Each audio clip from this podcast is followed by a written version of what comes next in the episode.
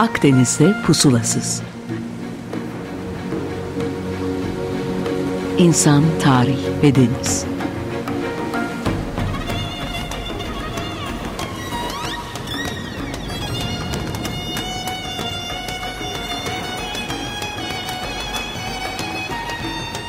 Hazırlayan ve sunan Sidar Duman. Kahramandan dilenciye. Odysseus ve yolculuk. Açık Radyo'dan herkese merhaba. Haftanın son güneşli gününde Odysseus'tan bahsetmeden önce yolculuklar başlığı altında başlayalım konuşmaya. Tarih dediğimiz şeyi okurken aslında neredeyse hep yolculuklardan bahsediyoruz. En eskiden ve en bilinenlerden birkaç örnek anlatmaya çalışayım. Tarih yolculuklarından bahsederken Nuh peygamberin gemisiyle yaşadıklarından başlayabiliriz. Büyük tufanın ardından sularla kaplı koca dünyada başıboş bir şekilde köşe taşları olmayan bir denizde yol almak, suların çekilmesiyle karaya çıkması ve yeniden başlayan hayat döngüsü. Nuh peygamberden sonra Uruk kralı Gılgamış'ın ölmez otu peşindeki maceralarına da bakabiliriz. Bu 4000 yıllık destanda Gılgamış aslında kendini bulmak için bir yolculuğa çıkar. Sonradan en iyi dostu olacak olan Enkidu ile karşılaşır, güreşir. Humbaba isimdeki devi alt etmek için birlikte tekrar yollara koyulur. Enkidu'nun trajik ölümünün ardından Gılgamış bu sefer de ölmez otunu bulmak için sarayını, rahatını, her şeyini bırakıp maceraya atılır. Ölmez otunu bulur. Bulur ancak o kadar basit bir şekilde kaybeder ki biz okuyucular uğruna bu kadar uğraştığı şeyin aslında ölmez otu değil de yolculuğun kendisi olduğunu düşünürüz. Biraz daha yaklaşalım milada doğru. Hz. Musa halkı ile birlikte Mısır'dan çıkıp Kızıldeniz'i ve çölü geçer. Vaat edilen topraklara kavuşmak için yapılan zorlu yolculuklar ve yaşanan engellerdir genel itibariyle konu. Peki Yunan mitolojisinden bir örnek verelim. Türkçe'de galiba Iason diyoruz ama Jason demeyi tercih edeceğim. Jason'a başarılması imkansız bir görev verilir. Kral olabilmek için Laz diyarında Kolkis ejderhası tarafından korunan ve bir meşe ağacına asılı duran altın postu alıp Yunanistan'a geri dönmelidir. Jason ve arkadaşlarının altın postun peşinde Yunanistan'dan Karadeniz'e gelmeleri, İstanbul boğazında bulunan ve seyir yapan tüm tekneleri parçalayan kayalıkları geçip sayısız maceranın ardından altın postu almaları çok zor bir dönüş yolculuğudur konu özetle. Karısını da bulduğu bu zorlu deniz yolculuğundan döndüğünde artık bambaşka birine dönüşmüştür Jason. Hz. İsa'nın ve ailesinin Kral Herod'un 2 yaşına kadar olan tüm erkek çocukları katletmesini emretmesi sebebiyle Mısır'a kaçış yolculukları da yine aklıma gelen zor yolculuklardan bazıları. Hemen peşine Aziz Pavlus'un Hristiyanlığı yaymak için çıktığı zorlu yolculuklara da ekleyebiliriz. Hz. Muhammed'in ve beraberindeki Müslümanların Mekke'den Medine'ye göç etmeleri ve bu yolculuğun sonucunda Medine'de Medine Sözleşmesi ile günümüzde İslam devleti olarak sınıflandırılan devletlerden ilki kabul edilen Medine şehir devletinin kurulması da bu zorlu yolculuklara verilen örneklerden biri olabilir. Binbir Gece masallarında denizci Simbat'ın maceralarını da listeye ekleyip artık bir duralım. Sorunların üstesinden gelmek, barışmak ve ilerlemek için mutlak suretle bilinç dışı ile yüzleşmek zorundayız.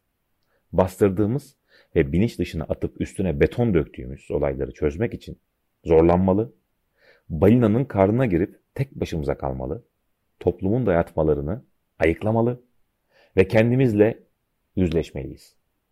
Bunu başarabilmenin en hızlı yolu da bana göre şu anda yaptığımız gibi Akdeniz'de pusulasız gezmektir. Hangi kültüre ait olurlarsa olsunlar. Tüm mitoloji ve dinlerde yolculuklar önemli yer tutarlar ve birbirlerine benzerler. Nuh tufanının çok benzerini Hindu ve Gılgamış destanlarında bulabiliriz.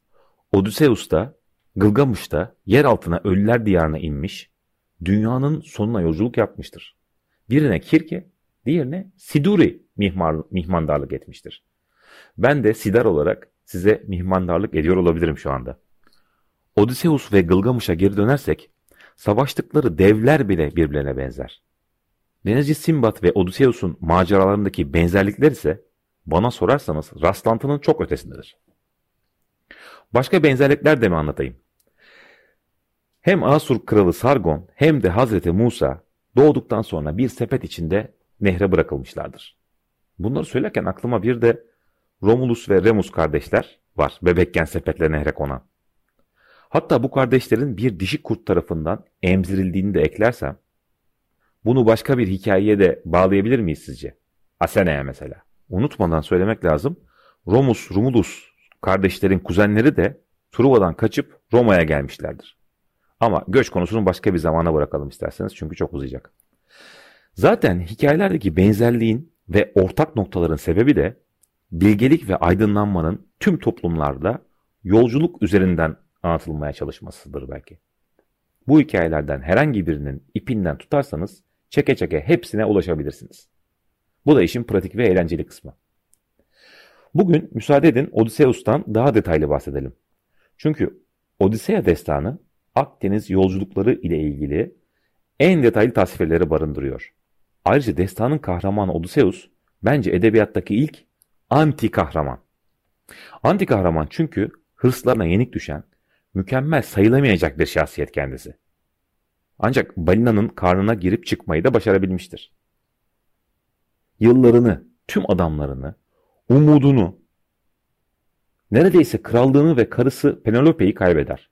Sonunda bir dilenci bile olur ve fakat tüm bu süreçlerin sonunda kibrini yenip evine dönebilir. Bu anti kahraman durumunu biraz açalım mı? Odysseus tahtını, karısını, oğlunu İtaka'da bırakıp savaşa gitmeyi aslında pek istemedi biliyor musunuz? Alışık olduğumuz kahramanlar gibi savaşa atılmadı yani. Hatta Homeros'tan öğrendiğimize göre Aka komutanı Menelaus'un adamlarının kendisini Truva Savaşı'na çağırmak için yolda olduklarını öğrenince deli taklidi yapıyor. Tarlasına tuz ekiyor ve sabanının koşumlarından birine öküz, birine keçi bağlıyor.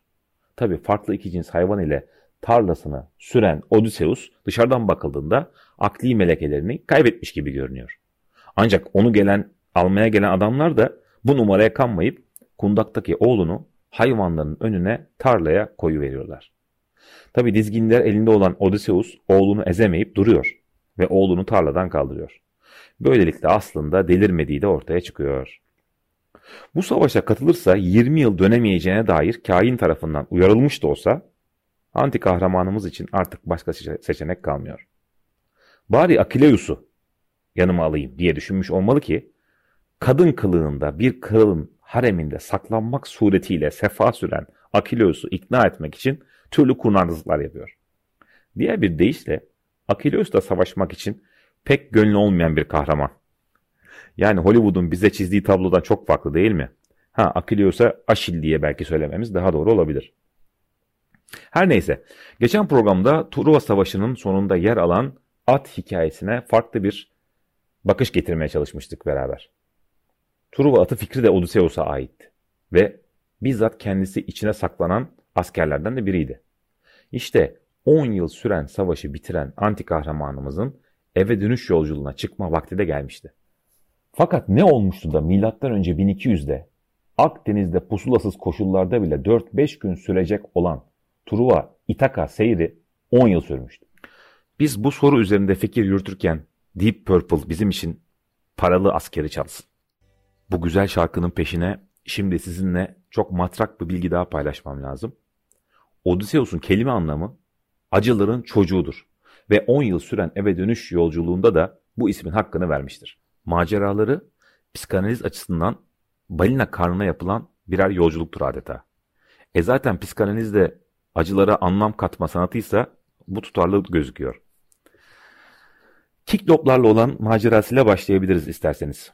Odysseus ve arkadaşlarının bağlandığı adada Kiklop ailesinden Polimefos adlı tek gözlü bir dev yaşıyor. Dev onlara misafirperverlik göstermiyor.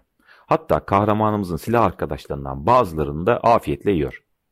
Dev Odysseus'a ismini sorduğunda benim adım hiç kimse yanıtını alıyor.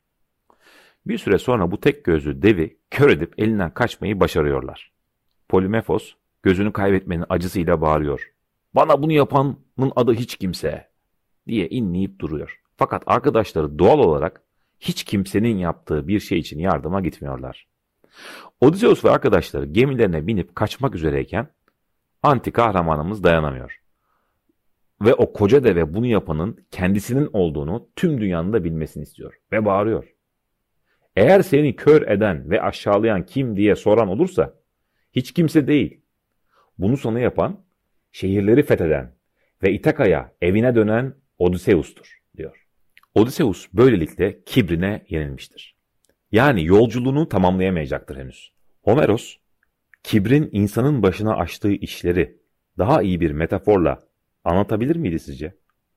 Şöyle söyleyelim, kör ettiği dev ne yazık ki Poseidon'un oğluydu. Ve kimsenin haberi olmadan bitebilecek bu olay, Odysseus'un tüm dünya tırnak içinde bu başarısını bilsin diye kendi ismini zikrettiği için çok kötü bir şekilde devam edecektir. Denizden eve dönmek isteyen biri için Poseidon'un oğluna kalıcı bir hasar vermek pek de isabetli olmamıştır. Ki unutmayalım, Truva Savaşı'nda karşı tarafla olan Poseidon zaten Odysseus'tan hiç mi hiç haz etmezdi.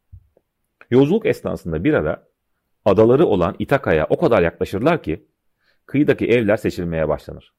Ancak gemicilerden biri teknede bulunan ve İtaka'ya çıkmadan açmaları yasak olan bir bohçayı içinde altın olduğunu düşünerek açar. Ne yazık ki onları misafir eden kral tüm kötü rüzgarları hapsetmiştir o bohçaya. Aç gözlülük verilen sözlerin önüne geçmiş ve hediye bohçasından çıkan rüzgarlar teknelerini tam ters istikamete sürüklemiştir. Benzer bir didaktik hikaye yine mitolojiden gelsin. Güneşin titanı diğer adıyla Helios. Bu titan sığırlarına çok önem verir. Ve bu bilgi de Odysseus'a defalarca hatırlatılmıştır. Buna rağmen adasına çıktıklarında Odysseus zoru seçerek başka hayvanları avlasa da tayfaları bu sığırları keserek afiyetle yemiştir. Güneşin titanı durumu Zeus'a taşır. Ve bu adamlara dersini vermezse güneşi yer altına göndermekle tehdit eder. Tayfalar tam yedi gün boyunca Helios'un sığırlarını afiyetle yerler. Fakat kaçınılmaz son yakındır. Yakalandıkları bir fırtınada Zeus yıldırımları ile gemiyi batırır. İşte Kalipso'nun adasına çıkabilecek olan tek denizci, kutsal hayvanın etinden yemeyen Odysseus olacaktır. Ne gemisi ne de adamları vardır artık. Ötekiler olmadan özelliklerinin de bir anlamı kalmamıştır. Kahraman, diğerleri olmadan ne anlam taşır, ne işe yarar? Kimse bilmeyecek, görmeyecek olsa iyilik kötülük hattı nereden çizilebilir? Başkalarını anlatma hazzı olmasa hayat yaşamaya değer mi? Kalipso'nun kelime anlamı örten, saklayan olarak çevrilebilir. Odysseus'a da aynen böyle yapmıştır. Tam yedi yıl esir kalır bu perinin adasında Odysseus. Buraya bir şey, şerh düşmek istiyorum. Kahramanımızın buradaki esaretinin gönüllü olduğu kanısındayım. Bir Ege adasında bu güzel su perisiyle geçirdiği yıllardan çok da şikayeti olmamış olsa gerek. Keza bir perinin savaşçıyı zorla alıkoyması da pek akla yatkın gelmiyor. Vestambu adı üzerinde tam 12.109 satır. O halde biraz hızlanıp son bölüme göz atalım yoksa Odysseus'un maceraları bitmeyecek. Sonunda adasına döner. Fakat verilecek son bir sınavı daha vardır. Belki de en zoru. Yo, sarayına yerleşip hem karısı hem de krallığına göz dikenlerden kurtulmak değildir esas sorulan. Bir dilenci kılığında, yokluğunda sarayına el koyup yiyip içen Antonius'tan yemek dilenmek zorundadır. Ve yapar da. Hikayenin bu kısmı bana biraz Mevleviliği de çağrıştırdı. Derviş olabilmenin adımlarından biri de dilenmektir hatırlarsanız. Tabi 40 gün çilehanede kalmak ve daha bir sürü şey de var. O güne kadar geliştirdiği kişiliğini, egosunu, kibrini geride bırakmadan aydınlanmak imkansızdır. Ve dilenmek bu yazdıklarımızı yerle yeksan edebilmek için çok iyi bir yöntem gibi görünüyor. Odysseus için de dilenmek son sınavdır ve başarılı da olur. Tabi destanda sonlara yaklaştıkça heyecan biraz daha artar. Yokluğunda karısı ile evlenmek isteyen tüm adamları bir ok atma yarışması vesilesiyle öldürür Odysseus. Tam sayı vermemiz gerekirse 108 kişiyi. Doğal olarak da öldürülen kişilerin akrabaları intikam için gelirler bu sefer. Şayet tanrıça Athena müdahale etmese İtaka adasında canlı kimse kalmayacaktır. Bu son tanrıça dokunuşundan da aslında Homeros'un sadece Batı edebiyatının değil, tiyatronun da başlangıcı kabul edilebileceğini düşünüyorum. Neden mi? Tüm trajedilerde de insanların çözümsüz kaldığı son noktada bir tanrı gelip olaya el atmaz mıydı? Sahneye bir vinç yardımıyla tanrıyı indirip trajediyi bitirmeye Latinler Deu ex machina demişler. Yani makinadan tanrı. Homerik geleneğin de Atina'da M.Ö. 6. yüzyılda tam da tiyatronun yayılması ile aynı zamanlara denk gelmesine ekleyecek olursak bu tez biraz daha anlamlı görünebilir. Kısaca bir kavramdan bahsedip bitirelim. Diller canlıdırlar ve ihtiyaçlara göre kelime üretirler. Mesela destansı bir kahramanın deniz yolculuğu ile eve dönüşü için antik Yunan toplumu nostos kavramını üretmiştir. Evet kahraman savaş meydanlarında büyük fedakarlıklar göstermiş olabilir. Ordulara kumanda etmiş olabilir. Ancak denizden yapılan zorlu dönüş yolculuğu ile kahramanın sınanması sadece fiziki değil, ruhsal ve gündelik hayata dair sınavları da içermesi sebebiyle dinleyiciye daha ilginç gelmiş olmalı. Düşünsenize 10 kaplan gücündeki kahramanımız dilenci olarak yaşamına geri dönüyor. Homeros da destanını Nostos kavramı üzerine kurmuş, türlü badireler atlatan Odysseus, adını tüm dünyanın duyması için çırpınan bir askerden mütevazi bir aile babasına bu yolculuk sayesinde dönüşebilmiştir. Dönüştüğü için mi 10 yıllık yolculuğu tamamlayabilmiştir, yoksa tamamladığı için mi değişmiştir sorusunun cevabını Homeros bizlere bırakmıştır. Hadi Dante ile kapatalım. İlahi komedyada cehennemin 8. halkasında Odysseus ile karşılaşan Dante kahramanın kendi ağzından hikayesi için bambaşka bir son düşlediğini duyar. Dinlemeye başlar ve hayretini gizleyemez. Odysseus Dante'ye ne demiş merak ettiniz mi? Keşke Akdeniz'de pusulasız, başıboş bir şekilde adadan adaya gezmeye devam etseydin de İtaka'ya dönmeseydin. Ben Sidar Duman 15 gün sonra aynı koordinatlarda görüşürüz. Pruvanız Akdeniz, radyonuz açık olsun. İyi günler.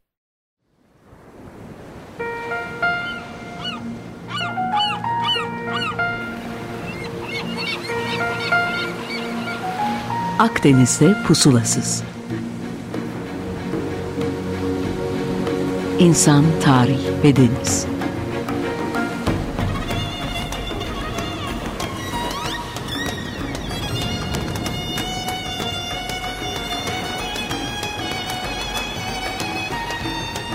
Hazırlayan ve sunan Sidar Duman